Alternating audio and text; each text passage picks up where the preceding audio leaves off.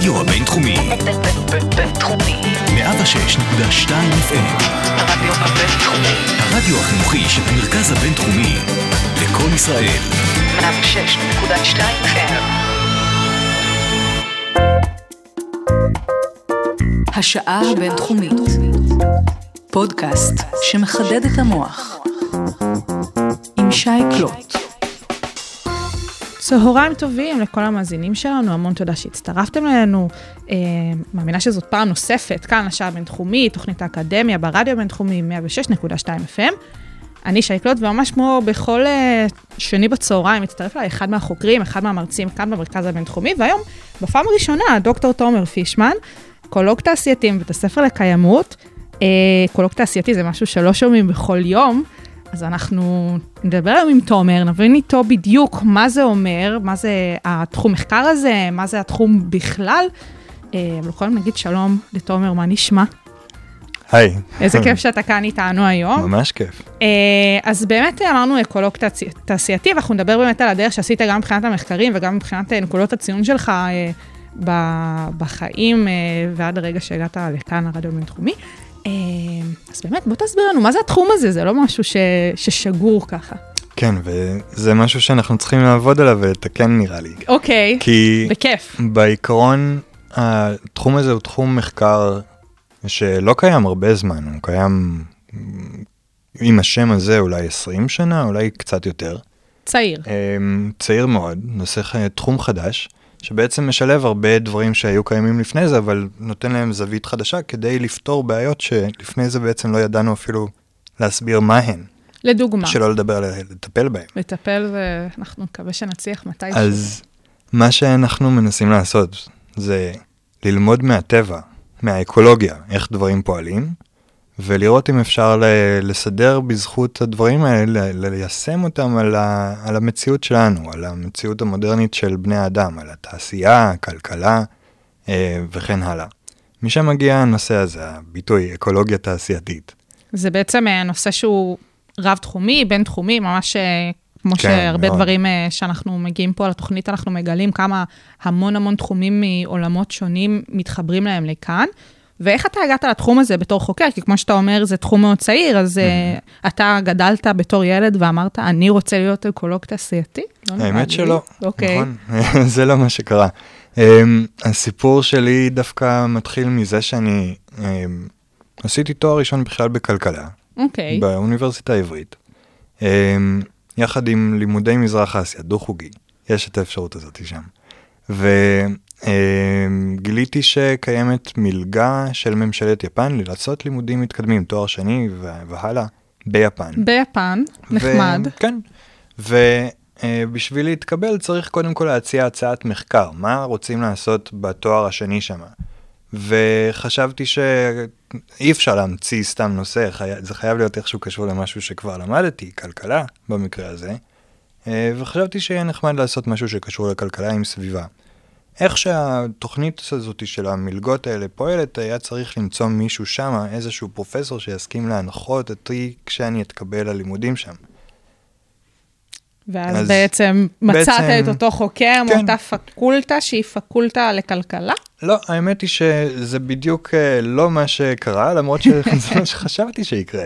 אמ, אני שלחתי, אחרי שהשגרירות היפנית אמרה לי, "אה, מזל טוב, אה, התקבלת לתוכנית, רק תמצא פרופסור שם, אז שלחתי את הפרטים שלי לכל מיני אנשים שם, בכל מיני מחלקות, אה, פקולטות למיניהן, וקיבלתי תשובה באימייל מאחד מהם, שאמר די במילים האלה, אני אשמח לקבל אותך לקבוצה שלי, אני מתעסק באקולוגיה תעשייתית, אתה לא יודע מה זה, יפה. הנה כמה מאמרים וספרים שתקרא לפני שאתה מגיע, כדי שתתחיל להיכנס לעניינים. אוקיי, מעניין אותי, האם הוא היחידי שענה לך, ואז כזה לא הייתה לך ברירה?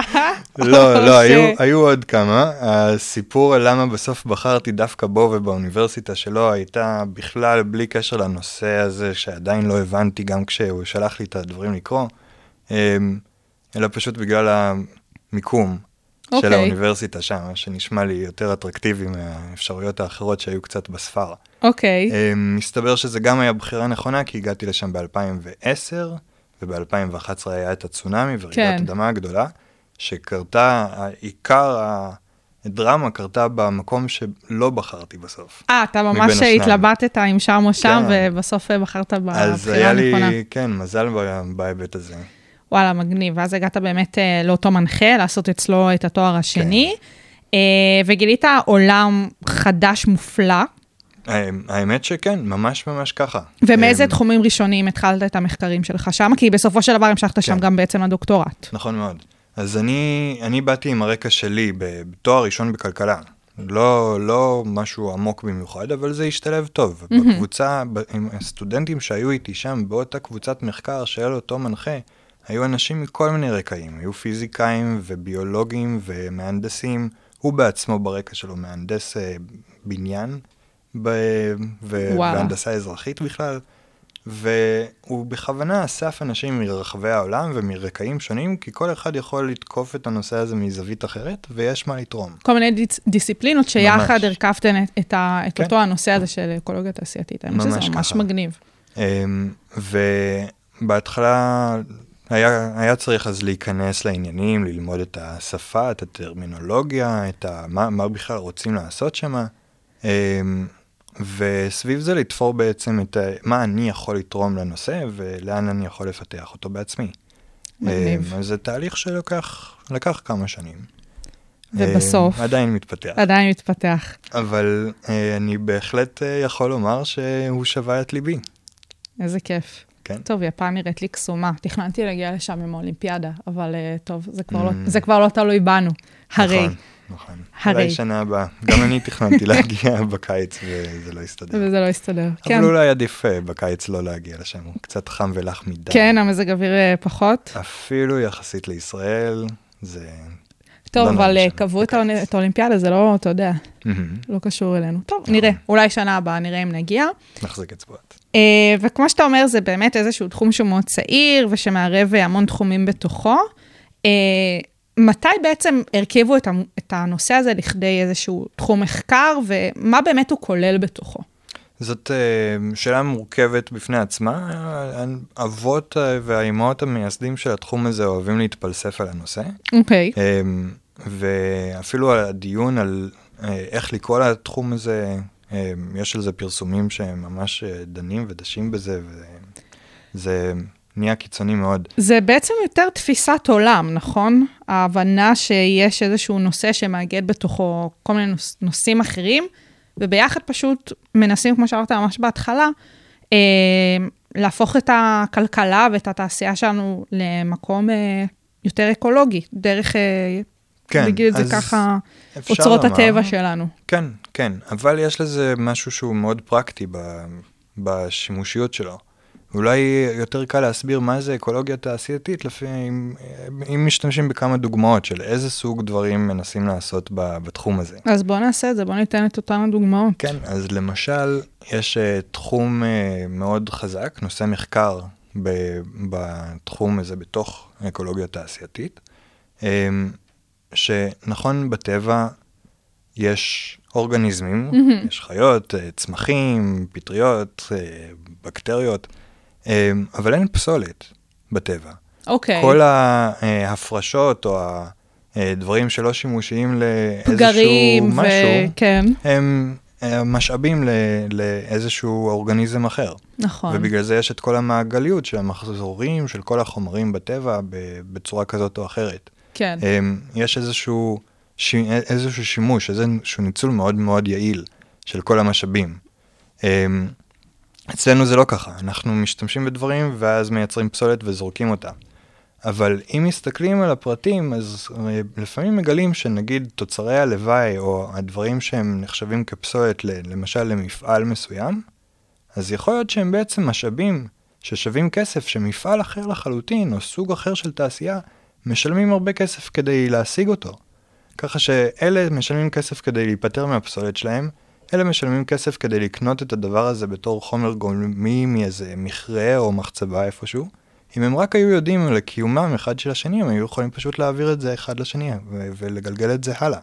מעולה. זה לא קורה, זה לא קורה. כי הם לא מדברים, הם לא יודעים על הדברים האלה. בטבע גם הם לא מדברים, זה פשוט שם. אבל יש איזושהי, איזשהו תהליך של שיתופיות, של סימביוזה. אז האם אנחנו בתור חוקרים יכולים לקחת את הצעד הזה, לקחת צעד אחורה, להסתכל על כל התעשיות וכל המפעלים במבט גדול יותר, למפות את כל הצרכים ואת הפסולות או הפרשות או חומרי לוואי של כולם, וליצור את הקשרים האלה עבורם, ואז להגיד להם בואו נעשה את הקשרים ובעצם שיתחילו לעבוד ביחד בסימביוזה תעשייתית. אז בעצם, בתוך כל התחום הזה, יש איזושהי אה, התכווננות לשיח מאוד גדול בין כמה שיותר אה, מפעלים או תעשיות, או מה שזה לא יהיה, אפילו פרטים, כי לפעמים אפילו פרט אחד מייצר משהו שהפסולת שלו יכולה לשמש פרט אחר או תעשייה אחרת.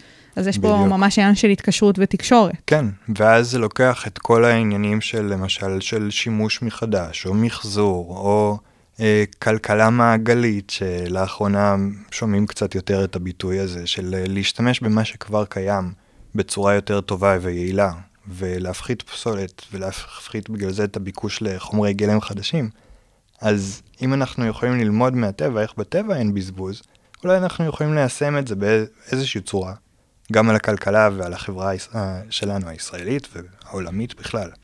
זה ממש מגניב, וזה פותח כאן ערוץ לשאלות אה, באמת שהן יותר אולי לתחום הכלכלה, כי כשאנחנו מסתכלים אה, על תעשיות ומדינות, אז אנחנו יודעים שמדינה בעצם מייצרת אה, לפי היתרון היח- היחסי שלה, אבל אם אנחנו יודעים שבמדינות מסוימות מייצרים מוצרים מסוימים ויש פסולת מסוימת, ויכול להיות שזה ישמש תעשיות אחרות, אז האם שווה לייבא תעשיות למדינות מסוימות ולעשות איזה שהן תזוזות גלובליות לחלוטין? נכון, ושם זה בעצם הופך להיות מורכב. זה מורכב מהצד ממש. של הכלכלנים יש את היתרון היחסי. לגמרי. ומהצד של ההנדסה יש אה, גם את ההיבטים האלו של האם זה פרקטי לעשות את זה, ומהצד של בכלל האם המשאבים נמצאים שם או לא, בטבע או ב... אה, לא בטבע. אה, זה הופך להיות מורכב. מאוד מורכב. ובשביל זה אנחנו שם, כדי, ואתם כדי מנסים איכשהו להקל את על ה- את. המורכבות הזאת. ממש ככה. אה, טוב, זה מגניב, וזה, עכשיו מובן לי למה זה נורא צעיר, כי באמת אה, גם, אה, זה, זה נשמע תחום מאוד גלובלי, אז באמת ההבנה של הגלובליזציה פה זה משהו שבסופו של דבר אה, לא קורה המון המון שנים, אה, ואנחנו אפילו, לדעתי, עוד- לא התחלנו להבין את הגלובליזציה כמו שצריך, אז לאט לאט, ו baby steps בסוף זה יצליח. אה, עכשיו, זה תחום שהוא, כמו שאתה אומר, מהבחינה המחקרית הוא מאוד מאוד צעיר, אבל מעניין אותי, יש את זה גם בתכלס? זאת אומרת, נגיד, בתוך משרדי כלכלה במדינות יש מישהו שהוא אחראי להבין איך אה, אה, באמת מתיישרים אל מול איזה אידיאל אה, של אה, אקולוגיה תעשייתית כזאת או אחרת, או אפילו בתוך חברות אה, פרטיות, יש מישהו שאחראי ואמון על התחום הזה? איך זה עובד? אז הרבה פעמים מגלים שיש אנשים שמתעסקים בדברים האלה או בצורת החשיבה הזאת, לא בהכרח הם קוראים לעצמם אקולוגים תעשייתיים. לא עם הטייטל. לא עם הטייטל, לפעמים הם עוסקים בזה והם לא יודעים שהם בעצם מאיתנו. שהם כאלה. אמ, יש מקרים אחרים שבהם הם יודעים שזה ככה, אבל הם מוצאים אולי שם אה, שהוא יותר מסחרי או יותר מוכר טוב את, ה, את העבודה הזאת, אמ, אבל זה עדיין אותם, אותה צורת חשיבה ואותן גישות. אמ, ובכל מקרה, אבל גם בתור אקולוגיה תעשייתית, גם סטודנטים שלנו, בוגרים, חוקרים, ככל שהזמן עובר, יש יותר ויותר כאלה שמתעסקים בזה ברמת התכלס, בחברות, בעיריות וגם בממשלה. כולל גם בישראל, בשנים האחרונות יש אנשים שממש מתעסקים בנושאים והסוגיות מהסוג הזה, ועם צורת החשיבה הזאת. מעולה, זה טוב לשמוע שזה בישראל. אנחנו יודעים שבהרבה תחומים, אה, בעיקר, אה, זאת אומרת, גם בתחום הזה של הגנת הסביבה, אנחנו קצת מפגרים מאחור. אה, אז נחמד לשמוע. יש איזו דוגמה למשהו בישראל ש... שככה כן, אז למשל... אפשר אה, אה, לספר? משרד, אה, משרד הכלכלה מריץ כבר, נדמה לי, שנה שנייה בערך, פיילוט של סימביוזה תעשייתית בישראל. וואלה. לנסות למפות את כל הקשרים האלה בין תעשיות שונות ומפעלים שונים, וליצור את השוק בעצם שלא היה קיים של הדברים האלה, והוא מתקדם יפה מאוד בעיניי. איזה מגניב לשמוע. כן, ממש. אה, אז עדיין נדמה לי שזה בגדר פיילוט, אבל זה מתקדם בכיוון הזה. מעולה. בנוסף, יש עוד דברים ש... שהממשלה אפילו מעורבת בהם, אה, שקשור לקביעת אה, כל מיני יעדים שאנחנו היינו רוצים לעמוד בהם בעתיד, של אה, שימוש מחדש של ניצול יותר יעיל של המשאבים. אז כן, יש, יש התקדמות, לאט לאט, אבל... בסוף נצליח. כן.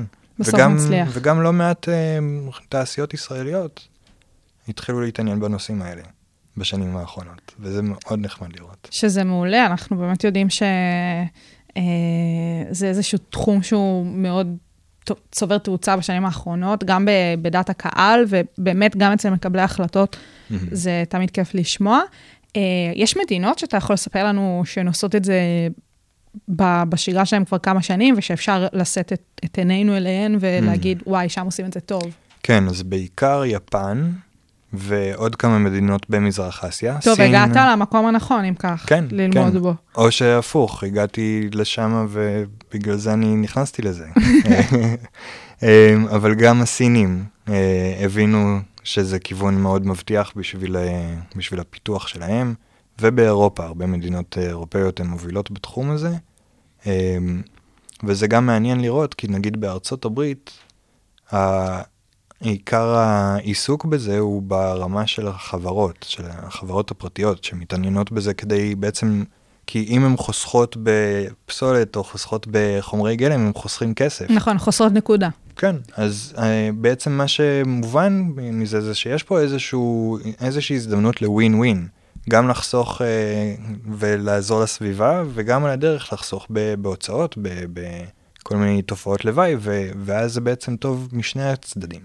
אז זה לא שזה רק הגנת הסביבה, או בשביל לטובת חיבוק העצים, שהוא גם מאוד מאוד חשוב, אבל מה שאנחנו מצליחים להראות בעצם זה שעל ידי זה שעושים את זה, זה גם עוזר לבוטום ליין הכלכלי. גם ברמת החברה וגם ברמת המדינה. ואז באמת אנשים אולי קצת יותר אה, פתוחים לשמוע על כן. הנושא הזה בסופו של דבר, ממש כך. אה, שזה מעולה. אז באמת, כמו שאמרת, זה לאו דווקא, כאילו זה, אבל אה, לחבק עצים, אבל זה כאילו מעניין אותי להבין, האם אה, בהכרח אה, בתוך התחום הזה מצביעים על שימוש במוצרים ובאמצעים ירוקים יותר, או שלאו דווקא?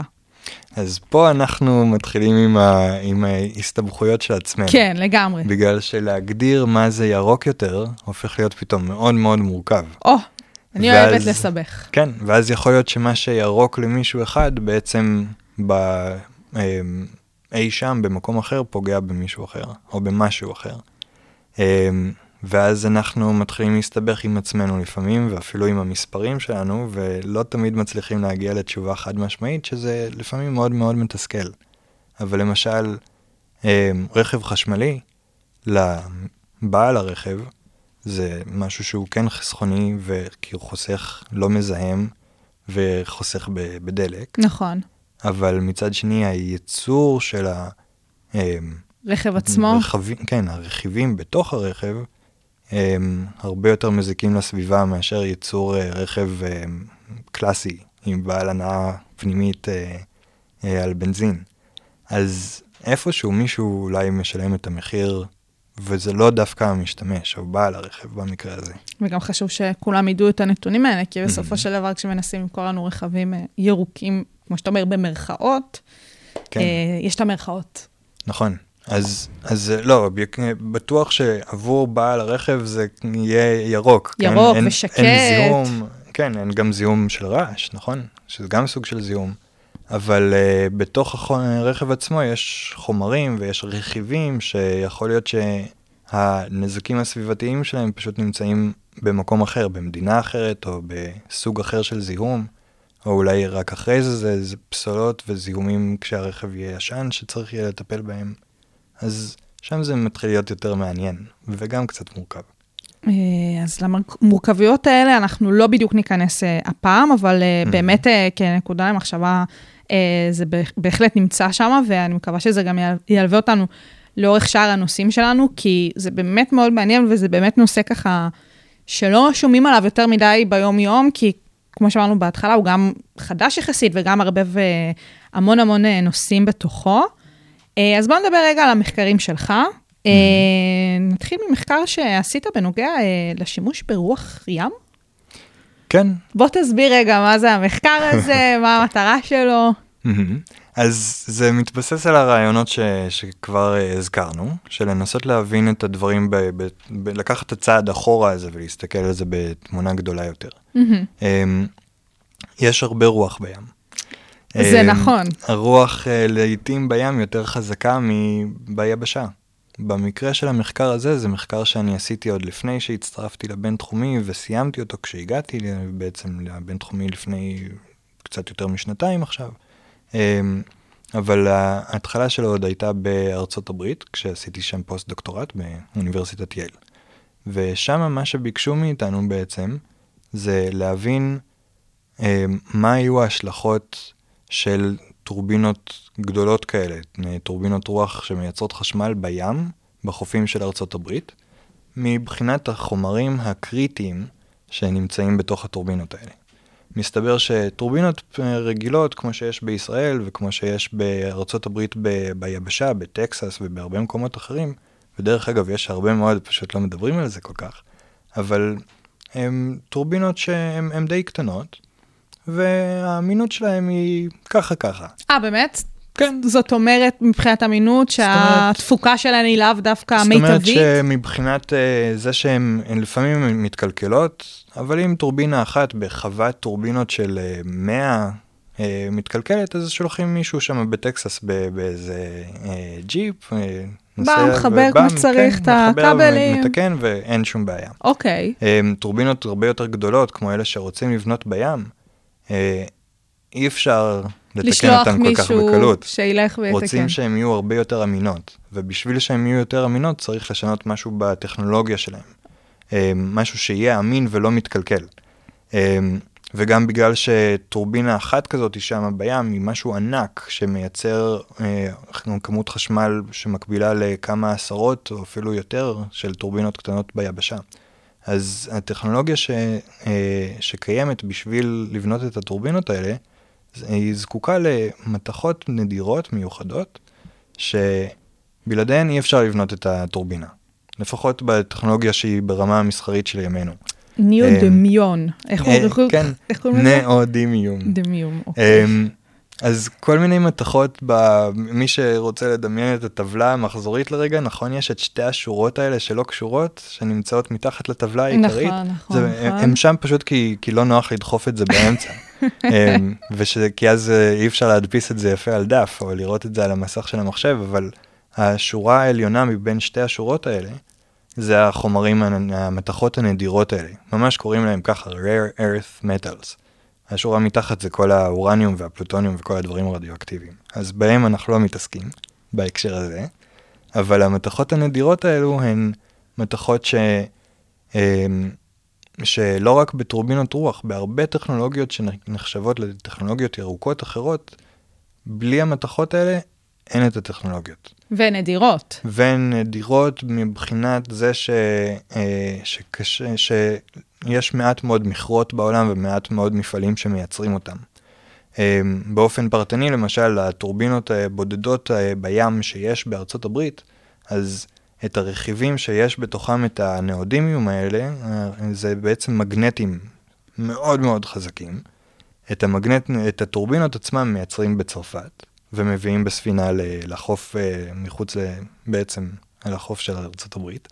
המגנטים עצמם מיוצרים ביפן, הופה, אוקיי. ומגיעים לצרפת, ואת החומרים, את הנאודימיום הזה, קוראים אותו במכרות בסין, במונגוליה הפנימית, אי שם במדבריות של סין. טוב, זה אז- נשמע מסובך. אז יש פה שרשרת, כן, שרשרת אה, שהיא אה, גלובליזציה, וזה אומר אבל שהאמריקאים פתאום קלטו שיש להם תלות עקיפה בסין. והסינים גם קלטו את זה, והתחילו לשחק עם השוק.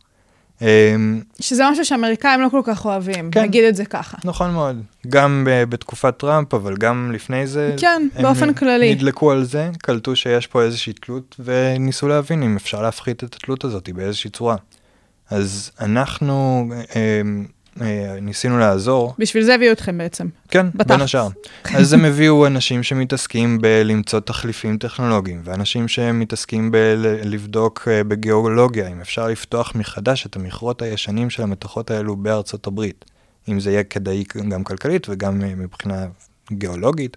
אה, ואותנו הביאו כדי לחשוב מה יהיה בעתיד. והאם אפשר להפחית את התלות הזאת באיזושהי צורה. וכשאתה אומר בעתיד, אתה מתכוון שנת 2050, כן, נכון? זה 2050. היעד.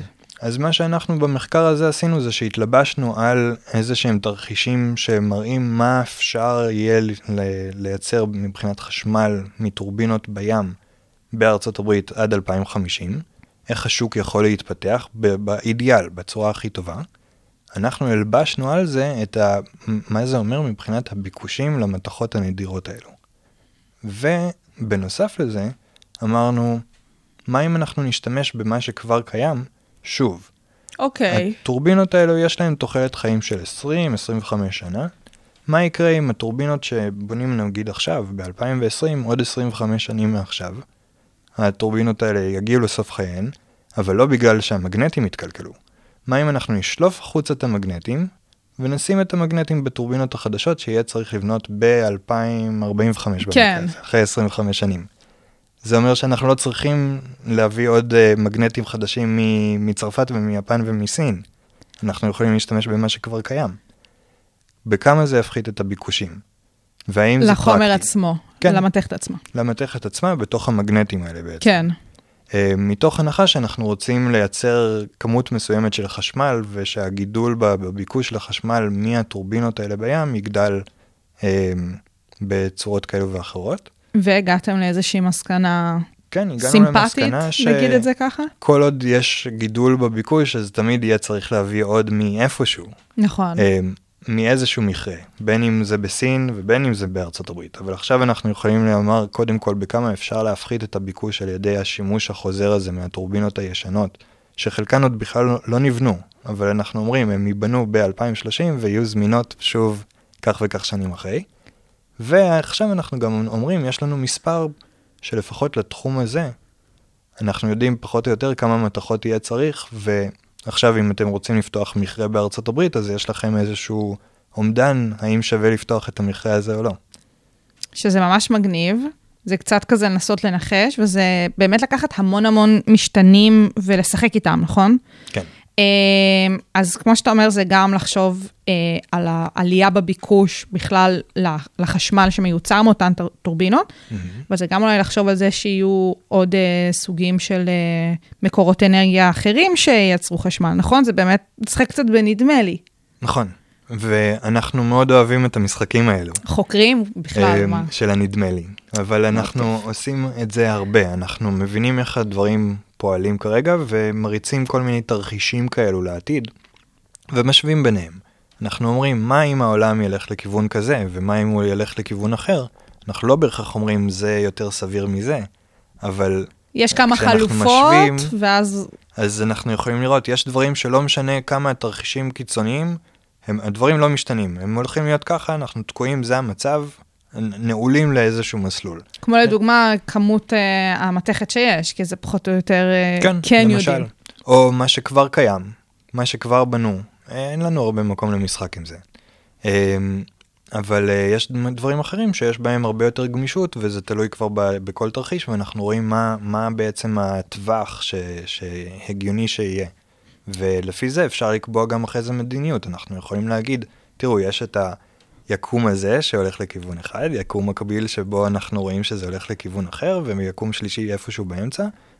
זה מה שצריך לעשות כדי להגיע למציאות הזאתי, וזה מה שצריך לעשות, או, או אם לא נעשה שום דבר, זה ילך לכיוון כזה. קובעי מדיניות, תבחרו עכשיו מה אתם רוצים לעשות, אנחנו נעזור לכם להגיע לשם. ונשאלת השאלה, אה, האם קובעי המדיניות באמת אה, בחרו את אחת החלופות שהצעתם להם? אז הם, הם מנסים, אוקיי, הם, הם לוקחים את זה בחשבון. יש עוד הרבה אלמנטים אחרים שכמובן נכנסים לת- לתמונה וצריך לקחת אותם גם בחשבון ולהשוות בעצם, אבל עכשיו יש להם פעם ראשונה בעצם את ההיבט הזה, את המימד הזה של החומרים הקריטיים האלו, שבכלל לא נכנס למשוואות שלהם בהחלטות לפני כן. מגניב. מגניב. אני, אני, אני סקרנית לראות במה הם יבחרו, זה גם באמת, אה, כמו שאתה אומר, יקום, יקום, יקום, זה ממש נשמע כמו Avengers כזה. אה, לראות באיזה מסלול יבחרו. אולי גם הם אקולוגים תעשייתיים ועוד לא יודעים את זה.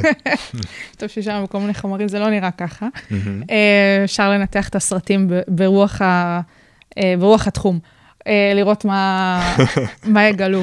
אה, הצעת מחקר. ממש. אה, כן, לפעמים זה טוב. קורה פה בתוכנית. עול-. עולות הצעות מחקר כאן בתוכנית לפעמים. טוב, זה באמת מחקר ממש מגניב, זה באמת בארצות הברית. אה, ואתה יודע להגיד, אה, אם פה בישראל יש גם מחקרים בסדר גודל כזה, כי דיברנו באמת ברמת ה...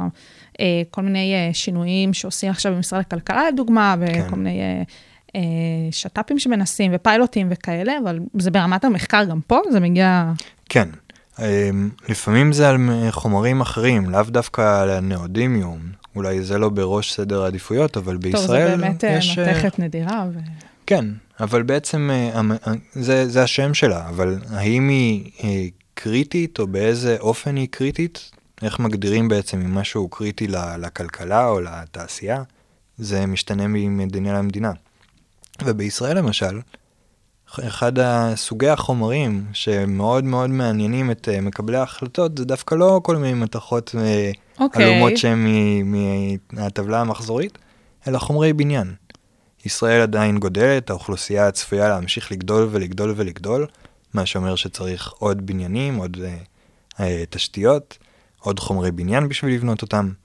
אז אותן סוגיות, אותם סוגים של שאלות של תרחישים ואיך אפשר להשתמש במה שכבר קיים בצורה יותר טובה ולהפחית את הצורך במחצבות ומכרות, אפשר ליישם בדיוק את אותן שיטות ואת אותן סוגים של שאלות על חומרי בניין, וזה מה שאנחנו עושים בישראל דווקא לא מעט. וואלה. כן, יש לנו כמה וכמה נוס... כיווני מחקר שאנחנו עושים כרגע, גם על להבין מה בכלל קיים ש... אי שם בבניינים שכבר יש בישראל, מה יכול להפוך להיות אה, חומר שבעתיד יהפוך להיות פוטנציאל אה, לשימוש מחדש. שימוש מחדש ושימוש כן. אה, באמת של בנייה מרובה בסופו של Mhm. דבר. אז נגיד כל מה שנמצא בעצם בבניינים שכבר בנויים, אם אנחנו נשתמש בהם כשהבניינים האלה באיזשהו שלב, אחרי עשרות ואולי מאות שנים, יגיעו לשלב שהורסים אותם, ונשתמש בהם מחדש, נמחזר את חומרי הבניין האלה, מה בעצם הפוטנציאל? האם הבניינים שיש לנו היום יכולים להפוך להיות התחליף למכרות של העתיד? אה, מגניב. אנחנו קוראים לזה קריאה אורבנית או קריאה עירונית. אמ, כמו שהגיאולוגים הולכים בשטח ומבררים איפה, המ... איפה המקום הכי טוב לפתוח מכרה או מחצבה, כי יש שם את החומרים הנכונים, אז אנחנו עושים את אותו דבר לבניינים והתשתיות שלנו, ומנסים להבין איפה הבניינים עם הפוטנציאל הכי טוב לשימוש מחדש בחומרים שבתוכם בעתיד. אני אגיד לך מה משעשע אותי, שהעלית את הנושא הזה. אני חושבת שסיפור הדיור בישראל עלה פה בתוכנית עשרות פעמים כבר, כל פעם מזווית אחרת, כן. וכמו שאתה אומר שזאת באמת כל כך בעיה פה בישראל, לא איזה מתכת נדירה, סתם מקומות לגור בהם, כן, ו- כן. ובכל מקום מחפשים פתרונות, זה מדהים חול בעיניי. ומלט ובטון. מטורף. ו... כן. זה מטורף, נראה לאן נגיע עם זה. מהמם.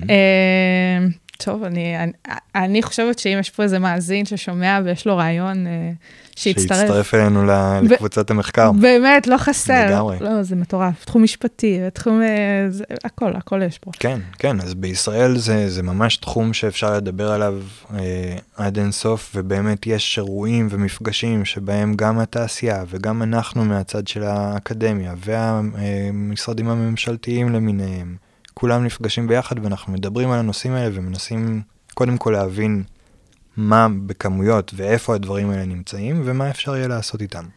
מקווה שרק טוב.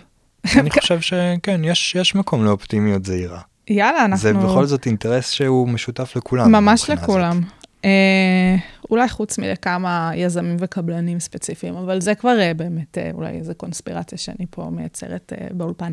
אה, למרות שגם. זה, אנחנו, אנחנו, גם הקבלנים מעורבים בדברים האלה. אה, בסופו של דבר, אה, כן. וכן, אנחנו יכולים בעזרת הדברים שאנחנו עושים, המודלים האלה והתרחישים האלה, אנחנו יכולים גם להגיד בסופו של דבר, אה, אם אנחנו הולכים לכיוון כזה, אז מי יוצא יותר מורווח, מי יוצא יותר מופסד. ברור. אבל גם אלה שיוצאים מופסדים, אולי נגיד אם אנחנו מצליחים לגרום לזה שיהיה פחות ביקוש לחומרי גלם ממחצבה. בימינו, בעלי מחצבות לא יכולים למחזר חומרים, נכון. אבל יש להם את היכולת הזאת, הם יודעים כבר לעשות את הקריאה עצמה. אם הם ישתמשו בזה ב- בשביל קריאה אורבנית, אז הם לא יצאו מופסדים. הם נכון. פשוט עושים הסבה מ... הם ייקחו את הטכנולוגיה הקיימת, ובעצם יעתיקו את המקום של כן. בדיוק, יש להם ידע ל- והבנה ש... שהיא יכולה להיות מאוד שימושית. רק צריך ל... ל... לזהות את היתרון ש... שיכול להיווצר להם מזה, וגם למדינה עצמה, ובעצם לעבוד ביחד על הנושאים האלו. יאללה, מושלם. אני, אני כולי תקווה שזה יצליח. כן. אה, איזה כיף. אה, עוד מחקר שלך, באמת מדבר על טכנולוגיות רכב.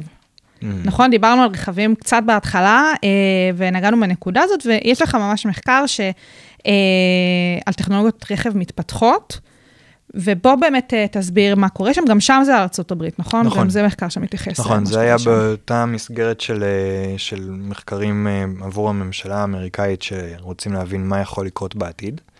שם זה בעצם מאוד דומה. בבסיס אנחנו מתחילים מזה שיהיה ביקוש לרכבים בעתיד. אה, יש את כל הצי הרכבים של כל מיליוני המכוניות שנמצאות על הכביש בארצות הברית כרגע, ומה יתווספו. מה יהיה בעתיד, מה יתווסף, וגם המכוניות הישנות, מה יעשו איתם. אה, ובהדרגה, עם מכוניות אה, של אה, מנוע בעירה פנימית יתחילו להתחלף במכוניות היברידיות וחשמליות, ואחרי זה עוד טכנולוגיות אה, כמו תאי מימן ודברים כאלה, כל אחד מסוגי הרכבים האלה, יש להם אה, רכיבים שונים שזקוקים לחומרים שונים, בין השאר גם לכל מיני חומרים קריטיים שכוללים גם את המתכות הנדירות האלו. אז אנחנו בעצם הרצנו תרחישים ש... שהם די דומים מהבחינה הזאת לטורבינות רוח, לראות כמה חומר כזה אנחנו נצטרך בארצות הברית בעתיד. אז זה, אה, בעצם פה גם כן לקחתם את האלמנט הזה של המתכות, או כן. שלאו דווקא, ובין היתר היה גם את הסיפור של המתכות? אז זה מתכות, אבל לא רק נאודימיום, גם כל מיני מתכות אחרות, כי אה, בתוך הרכבים האלה יש הרבה סוגים של חומרים שהם נחשבים לחומרים קריטיים, או מתכות קריטיות לכלכלה, שנכון לעכשיו הטכנולוגיות שקיימות בימינו, אין להם תחליף. ובגלל זה צריך להבין את, ה, את הסוגיות האלו. וברכבים יש הרבה יותר סוגים מאשר נגיד בטורבינות, נכון? כן, כן. אז בעצם המון חלופות. נכון. המון יקומים כאלה כן, שאתם מייצרים. כן, ואנחנו צריכים uh, לברור מה, מה בעצם בעל משמעות בשביל שנבין באמת איך הדברים פועלים. מה שהיה מעניין במקרה הזה זה שגילינו שקודם כל הביקוש למתכות כמו הנאודימיום הזה בשביל המגנטים שבתוך המנועים של מכוניות uh, היברידיות וחשמליות, uh, הולך בעצם להיות uh, ביקוש שיזנק ירקי קדימה. השחקים. זאת אומרת, ממש. הסיפור של הטורבינות הוא קריטי, אבל הסיפור עם הרכבים זה כבר באמת... פשוט כי יש הרבה יותר רכבים. ממש. וגם אם, אה, אם יהיה הפחתה בכמות הרכבים אה, ל, באופן יחסי, נגיד, לאוכלוסייה, לנפש, עדיין יהיה, ימשיך להיות ביקוש, בין השאר גם כדי להחליף את המכוניות שכרגע על הכביש, ובסופו של דבר יגיעו לסוף חייהן. אז אנחנו, אנחנו. רצינו לראות גם אה, לא רק הגידול בביקוש, אלא גם ההחלפה של מה שכבר קיים. ובסופו של דבר, כשאנחנו מדברים על רכבים, אז uh, אנחנו תמיד נורא אוהבים לגעת בסיפור של תחבורה ציבורית, ובאמת uh, כל מיני uh, חלופות בכלל לרכב הפרטי, לרכב משפחתי. זה משהו שנכנס במחקר. לא במחקר המסוים ההוא, אבל במחקרים אחרים שלנו בדיוק, אנחנו בהחלט... בתוך אה, כן. התחום הזה. אה, וזה משהו שבאמת אה, מכוונים אליו, זאת אומרת, ההבנה שאולי בשביל לוותר אה, על כל מיני חומרים נדירים ויקרים כאלה, וכל מיני סחרים, הודו וסין, Mhm. יותר נכון, אז עדיף ללכת לשם מאשר להסתבך. כן, האמת היא שבמחקר אחר שאנחנו עומדים לפרסם עכשיו של האו"ם, אנחנו עוסקים בדיוק בדבר הזה. אנחנו מנסים להשוות בין כל הסוגים של האסטרטגיות של ההפחתה של המשאבים, בין אם זה על ידי שימוש אה, בחומרים אחרים, אלטרנטיביים, להחליף כשאפשר, מחומר אחד בחומר אחר שהוא פחות מזהם, בין אם זה על ידי אה, מעבר למשל מרכבים פרטיים לרכבים שיתופיים, או לשיטות אחרות להגיע ממקום למקום, אה, ובין אם זה על ידי מחזור, או אה, תעשייה יותר יעילה שפחות מבזבזת עוד בשלבי הייצור עצמם. אה, ומה מכל הדברים האלה בעצם יכול לתרום הכי הרבה, אם, אם נעשה את האסטרטגיה המסוימת. ומסתבר שבהרבה מאוד מהמקרים, הפחתת הביקוש מלכתחילה, יהיה הפתרון הכי, הכי פשוט יעיל. ככה. כן, אז הפחתת ביקוש יכולה להיווצר מכל מיני דברים, כן? אם אנחנו משתמשים ברכבים במקום שיהיה אה, 1.4 אה, נוסעים ברכב, אם נמלא רכבים יותר, זה כבר דבר טוב, כי זה אומר פחות ביקוש לרכבים, כי משתמשים בהם בצורה יותר יעילה. אם משתמשים במכוניות ובמקום שהם יחנו כל הזמן, ורק ייסעו קצת מהיממה, עם רכבים שיתופיים נוסעים יותר, יש בזה יתרון. מצד שני הם מגיעים לקילומטראז' הרבה יותר גבוה וצריך להחליף אותם ברכבים חדשים יותר מהר, אז אה, יש פה איזה trade off, זה כבר לא כזה ברור.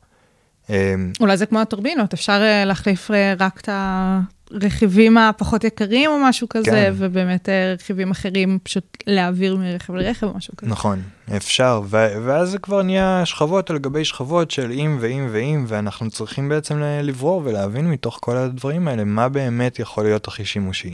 הכי שימושי אמ, בכל כך הרבה תחומים, כן. כמו שאנחנו אומרים כן, לאורך ו- כל התוכנית הזאת. וגם מה המחיר של זה מבחינות אחרות, מבחינת האם אנחנו עדיין מקבלים את, ה- את מה שאנחנו רוצים בכלל מרכב, הרי בסופו של דבר, נכון שאנחנו קונים רכבים בין השאר כי זה גם סמל סטטוס, ואנחנו רוצים להשוויץ, יש לנו רכב פרטי, אמ, אבל בסופו של דבר אנחנו רוצים להגיע מנקודה א' לנקודה ב'. ואם יש לנו אלטרנטיבה טובה שיכולה לספק את זה, בלי בכלל שיהיה צריך אוטו עם כל הרכיבים וכל המתכות וכל הבלגן הזה, אז זה טוב.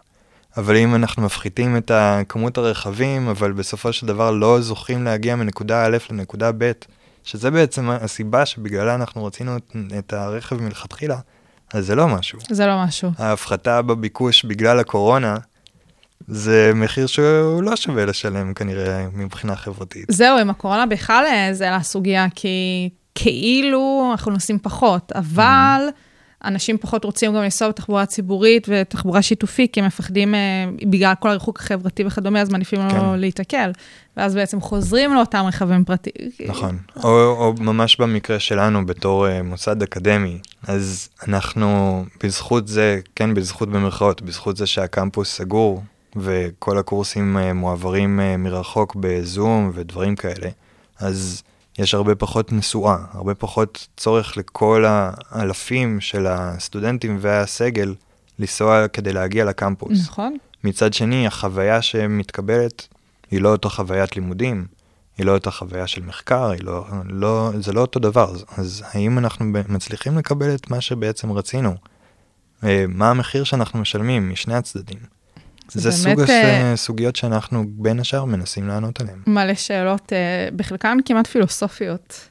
אז אנחנו... אפילו לא כלכליות או... לא, אבל, אבל זה, זה הנקודה שבה אנחנו דווקא נעצור ונגיד, נכון, זה, יש בזה איזושהי רמה פילוסופית, אבל אנחנו מבינים או מנסים להבין את, איך הדברים פועלים ככה שנוכל לתת לזה מספר. ברור. ושזה כבר לא יהיה רק פילוסופי, אלא שיהיה ממש מדע שעומד מאחורי ההחלטות שאנחנו עושים, ו, ושנוכל לקבל החלטות שהן מודעות ומבינות מה ההשלכות מבחינת המספרים. גם הכלכליים, גם החברתיים וגם הסביבתיים. וגם פילוסופי זה דבר טוב. נכון. מדעי הרוח עושים קאמבק. כן, צריך איזשהו בסיס אה, בשביל להחליט בסוף מה רוצים ומה לא. ממש, ממש. אמ, אתה יכול לספר לנו על עוד איזה מחקר ככה, אה, אולי משהו שעכשיו אה, אתה עובד עליו, או עוד משהו מעניין שקורה כאן בישראל, כי בסופו של דבר מה שקורה כאן אצלנו בבית הוא הכי מעניין. כן, אז uh, בישראל, כמו שהזכרתי, יש לנו את ה... גם את התרחישים האלה שדיברתי עליהם ב... בתחום הבנייה. של האו"ם, ו- וגם בתחום הבנייה, וגם הקריאה האורבנית, ולהבין מה כבר קיים ומה אפשר יהיה uh, לדלות בעצם מה... Uh, נקרא לזה המרבצים של החומרים בערים שלנו. אה, אני אתחיל ללכת ברחובות ולהסתכל לכל עבר ולחשוב איך אפשר... אה, והנה גם את אה. הופכת להיות אקולוגית תעשייתית, בלי. לשים לב בעצמך. ברגע. אמ, אבל אה, דווקא לא בישראל כרגע, אלא פרויקט אחר שאני עוסק בו, הוא דווקא באיים הקריביים. אמ, הסתדרת.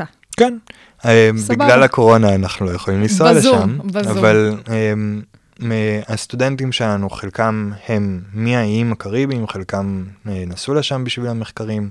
אני לצערי עדיין לא הצלחתי פיזית להגיע, אבל מצד שני גם... בבוא אה, העת, בבוא העת. כן. אמ, אבל אנחנו מנסים למפות את הסוגיות האלה גם שם. האיים הקריביים, הרבה מהמדינות שם הן מדינות מתפתחות, אמ, מתפתחות לאט. אה, הם, יש להם תלות מאוד גדולה גם בכלכלה שלהם, אה, בתיירות שמגיעה ממדינות אחרות, ויש להם תלות גדולה במשאבים והחומרים שהם מייבאים, אמ, ולא, ואין להם פשוט שם, אז הם חייבים להביא ממקומות אחרים. והם בין המדינות שבסכנה הכי גדולה מאסונות טבע, שבין השאר נוצרים בגלל הפעילות האנושית, עליית אה, גובה מפלס פני הים, וסופות אה, ורעידות אדמה, טוב, רעידות אדמה קורות בכל מקרה, אבל איך מתמודדים או מה הנזקים מרעידות אדמה, זה אה, השלכה של פיתוח. סופות חזקות יותר ואסונות טבע אמ, אפילו התחממות אה, שקורית שם. כל הדברים האלה יש להם השלכות.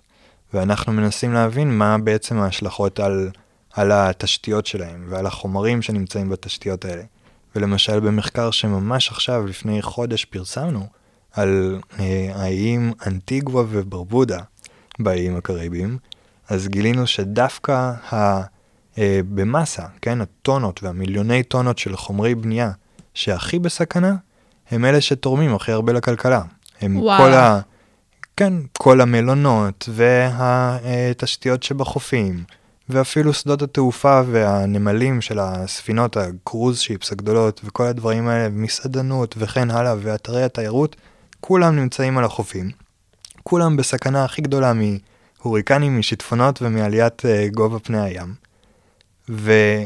הם גם אלה מצד שני שמספקים הכי הרבה תעסוקה ועבודה ופעילות כלכלית במדינות האלה.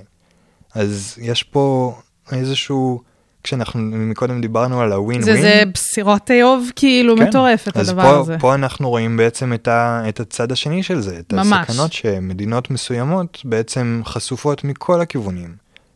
ועד עכשיו לא היו מספרים, לא היה בעצם נתונים עובדתיים שאפשר היה לעבוד איתם. איך הגעתם לחקור את זה ספציפית שם? כי זה אמ, באמת, אה, כמו שאמרת, כן.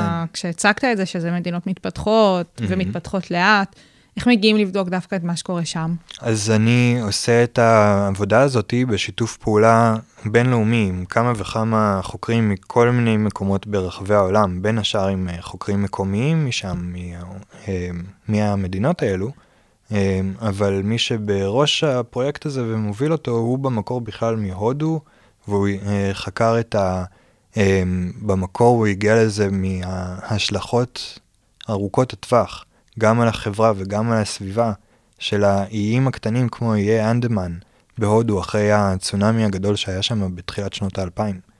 וכשהוא הבין את זה, אז הוא התחיל לקבץ סביבו אנשים מכל מיני תחומים שונים כדי לעסוק בסוגיות האלה וכדי לפתור את זה באיים קטנים, לא רק באיים הקריביים, אלא ברחבי כל העולם.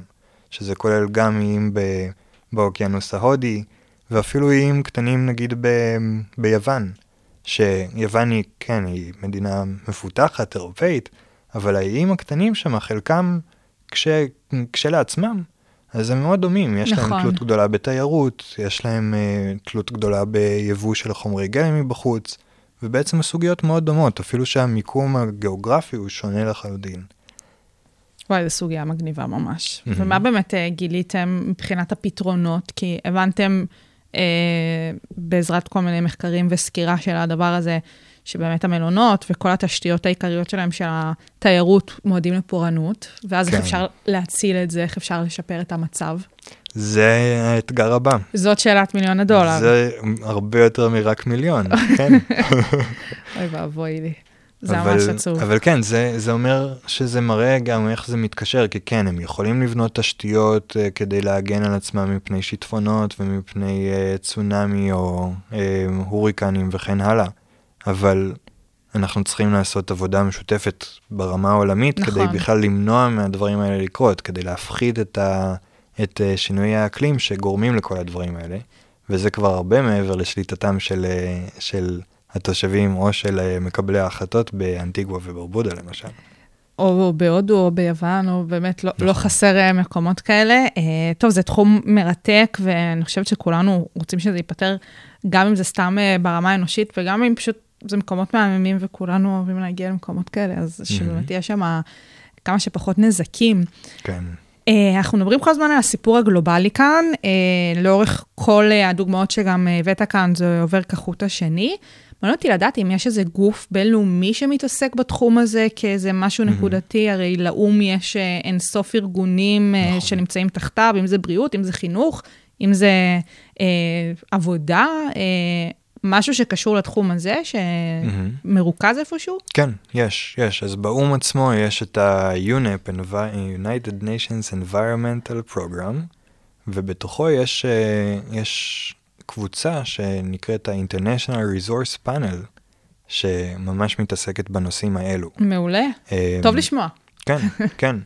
אה, ובנושאים של הסימביוזה התעשייתית והשימוש מחדש, יש אה, את הארגון של ההתפתחות אה, אה, של האו"ם, יונידו, שמתעסק בנושאים האלה ונכנס לזה יותר ויותר, אה, ורוצה לשמוע מאיתנו על הנושאים האלה ולערב אותנו יחד עם מקבלי ההחלטות. אה, ברמה של מדינות יש כל מיני משרדים, לאו דווקא הצפויים, שנכנסים לנושאים האלה, כמו בישראל למשל שמשרד הכלכלה מתעסק בזה, אבל לא רק הוא, גם כמובן משרד הגנת הסביבה אה, והרבה משרדים אחרים, כל אחד תוקף את זה מהזווית שלו. אבל יש עדיין הרבה מה לעשות כדי להכניס ולעשות את הדברים האלה ברמה הגלובלית יותר ויותר. זה נשמע ככה, זה תחום שבאמת אה, רק הולך ומתפתח. Mm-hmm. אה, וכמו שאתה, באמת אנחנו מדברים על זה לאורך כל התוכנית, אה, הוא נורא רב-תחומי, אז כולם כזה משתפים פעולה עם כולם.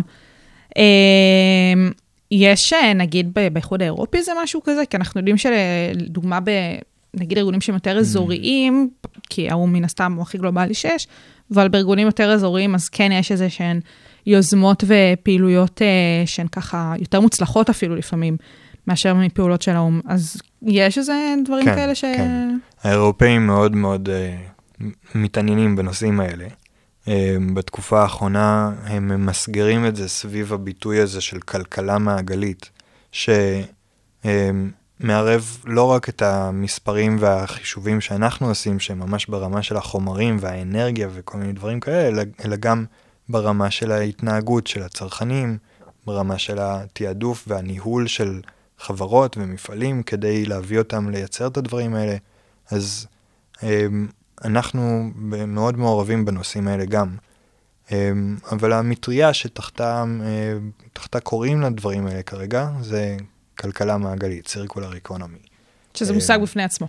שזה מושג בפני עצמו, גם מאוד צעיר וחדש, אמ, ו... והוא מה... בעצם יש לו הרבה חפיפה, אבל גם מתעסק בכמה נושאים אחרים, ו... והוא באמת, אה, אני לא בטוח אפילו אם, אם זה נושא מחקר אקדמי, אה, אלא או אולי הוא לוקח נושאים או, או מסקנות ממחקרים אקדמיים לתוך התפיסה הזאת של איזשהו אידיאל של אה, יותר מעגליות, של שימוש מחדש וכן הלאה. אולי עוד כמה שנים אה, נראיין פה איזה חוקר אה, של כלכלה מעגלית, אני לא, אני לא דואגת. כן, כן. בסוף חוקרים הכל, בסוף את הכל יחקרו. אנחנו מדברים פה הרבה על העתיד, כי הרבה מאוד מהמחקרים שגם דיברת עליהם, וגם אה, כל מיני תפיסות עולם סביב התחום הזה, באמת מדברות על, אוקיי, מה אנחנו יודעים שיש עכשיו, איך משפרים את מה שיהיה הלאה. אה, מה אתה יכול להגיד על הסיפור הזה, על, על זה שאתה קצת מתעסק במה הולך לקרות? מהמם. זה, זה משהו ש... ש... משך אותך אולי אפילו לתוך התחום הזה, שהגעת מהסיפור של כלכלה ו... ונכנסת לתוך זה. כן, אני חושב ש, שזה, יש, יש בזה משהו שמאוד קורץ לי, ה- כל העניין הזה של, ה, של ה, אה, להסתכל על מה יכול לקרות בעתיד, שדרך אגב גם דורש מאיתנו להבין טוב יותר מה קרה בעבר. נכון, אה, אז אנחנו מנסים לעסוק ב, בשני הכיוונים, גם ל, ל, לחזות קדימה, אבל גם לנסות לשחזר את מה שכבר קרה ולהסביר את התהליכים. אבל כן, באופן אישי, אה, בתור ילד אני מאוד אהבתי משחקי מחשב נגיד כמו סים סיטי, ואהבתי לבנות בלגו, ברור, ואני הרבה פעמים רואה הרבה דמיון בין ברור. הלגו והסים סיטי האלה ל- זה גם לדברים שאנחנו קאמבק. עושים עכשיו. כן, זה עושה קאמבק? מה זה, כולם משחקים בזה היום. מה, בסים סיטי? בטח, עכשיו עם הזום והקורונה, כשכולם בבית בכלל, זה עוד יותר תפס תאוצה. וואלה, חשבתי שכולם בפורטנייט או משהו. לא, לא. אז אה, שתכיר, כולם בסימס. אז יאללה, שיצטרפו אלינו. שיצטרפו לתחום, כן, לתחום אנחנו- המתפתח. אנחנו עושים אה, דברים מאוד מאוד דומים בסופו של דבר, רק במציאות. רק במציאות, כל מיני חומרים אה, נדירים. כן, אה, אצלנו אין, אה, נכון בסים סיטי היה, אפשר פתאום לזמן חללית שתשמיד חצי מהעיר. אז- בטח, כל היום רק בונים והורסים, כן, והורגים את כולם. אני מודה שלי אין תרחיש של, של תקיפה של חלליות. חלליות פחות. עדיין לא, אבל מי יודע. ו- ומה אתה, התחזית שלך באמת לעתיד? אולי קצת במבט אה, יותר רחב או יותר גלובלי, אה, או גם פה על ישראל, אפשר להתייחס לכל הנקודות האלה. כן, אה, אני חושב שבצורה פרדוקסלית, אולי בגלל שהרבה מהמספרים שלנו נראים מאוד מפחידים, אבל אני אופטימי. אני חושב ש... כן, אנחנו נצא מפה עם אופטימיות? יש סיכוי, כן, יש סיכוי טוב לאופטימיות. בין השאר בגלל שכן אנחנו יכולים לראות ששילובים מאוד מסוימים של קומבינציות של כל מיני גורמים ותהליכים וכן הלאה, כן יכולים להביא להפחתה בדברים כמו פליטות של אה, גזי חממה ודברים אחרים. לא להכל יש פתרון טכנולוגי, חלק מהדברים באמת ידרשו שינויים בגישות שלנו בחיים, לאורח חיים שונה. אבל הם כן יכולים לקרות וכן יש לנו בעצם מספרים עכשיו שיכולים להראות ש, שיש מקום לאופטימיות, שיש מקום לאופטימיות. אם נעשה את כל הדברים האלה. אפילו דברים שקשורים ברמה הדיפלומטית. כמעט ולא כן. דיברנו על הסיפור הפוליטי-דיפלומטי כאן בשעה הזאת, אבל זה לחלוטין Mhm. שם, אומרים גלובליזציה, אומרים דיפלומטיה. אה, נכון. עכשיו יש לנו מלא הסכמים חדשים פה בישראל, אז אולי יפתח דלתות? יכול להיות. כן? כן, עוד מוקדם לדעתי עוד לומר מוקדם מה, לומר. מהזווית שלנו, אבל אה, זה יהיה מאוד מאוד מעניין להסתכל על, הדברים האלה. מדברים הרבה על אה, יחסים כלכליים דרך זה, אז אה, כן. נראה לאן זה ייקח אותנו. אה, ובאמת אתה אומר פה על ישראל, שיש גם פה ספציפית עוד יותר מקום לאופטימיות, כי באמת רואים את התחום הזה נכנס אה, בהמון המון אה, מקומות. כן, אני חייב להודות שזה די מדהים, אני אמנם לא הייתי בישראל הרבה שנים כשלמדתי ועבדתי בזה בחו"ל, אבל בשנתיים ומשהו שאני פה, אז ממש רואים את ההתקדמות אה, משנה לשנה, איך יותר גורמים ואנשים מתחילים להתעניין בזה ולרצות לעסוק בזה, ומתחילים לאמץ את, ה, את השפה ואת צורת המחשבה הזאת של ה... לנסות למצוא את הווין ווין הזה לכל הצדדים, וזה מאוד מאוד מרשים, וזה אומר שכנראה יש איזשהו מומנטום שצריך עכשיו לנצל ו... ולקחת אותו, אותו קדימה. אני חושבת שעם האופטימיות הזאת, אנחנו נגיע לסיומה של התוכנית, כי זה באמת אה, משאיר אה, גם טעם שאלות מהבחינה הזאת של להבין את התחום ולשמוע עליו יותר, וגם, אה, לא יודעת, אה, אולי אם יש לנו מאזינים שרוצים להיכנס לזה, אז אה, יאללה, קדימה. כן, זה- כולם מוזמנים. כולם מוזמנים, זה מאוד בינתחומי, וכל מי שיכול להוסיף מוזמן. אז לפני הכל אני אפרד ממך, דוקטור תומר פישמן, שהיית איתנו כאן היום, ושיתפת אותנו ככה בתחום המחקר שלך, שהוא באמת כזה צעיר וחדשני, אז כיף לשמוע. כן, אני גם נהניתי מאוד, תודה רבה. תודה רבה, ולכם, לכל המאזינים, אה, תודה רבה שהייתם איתנו בתוכנית הזאת אה, כאן היום. כמובן, אם אתם רוצים להאזין לתוכניות נוספות, אה, או לתוכנית הזאת פעם נוספת, אתם מוזמנים להיכנס לאתר שלנו, ברדיו הבינתחומי, ובכל אפליקציות הפודקאסטים למיניהן. כמובן, פשוט להאזין לנו כל יום שני בשעה 2 כאן ברדיו הבינתחומי 106.2 FM. אני הייתי שי קלוט, תודה רבה לכולכם, ושיהיה לכם המשך יום מקסים. זהו.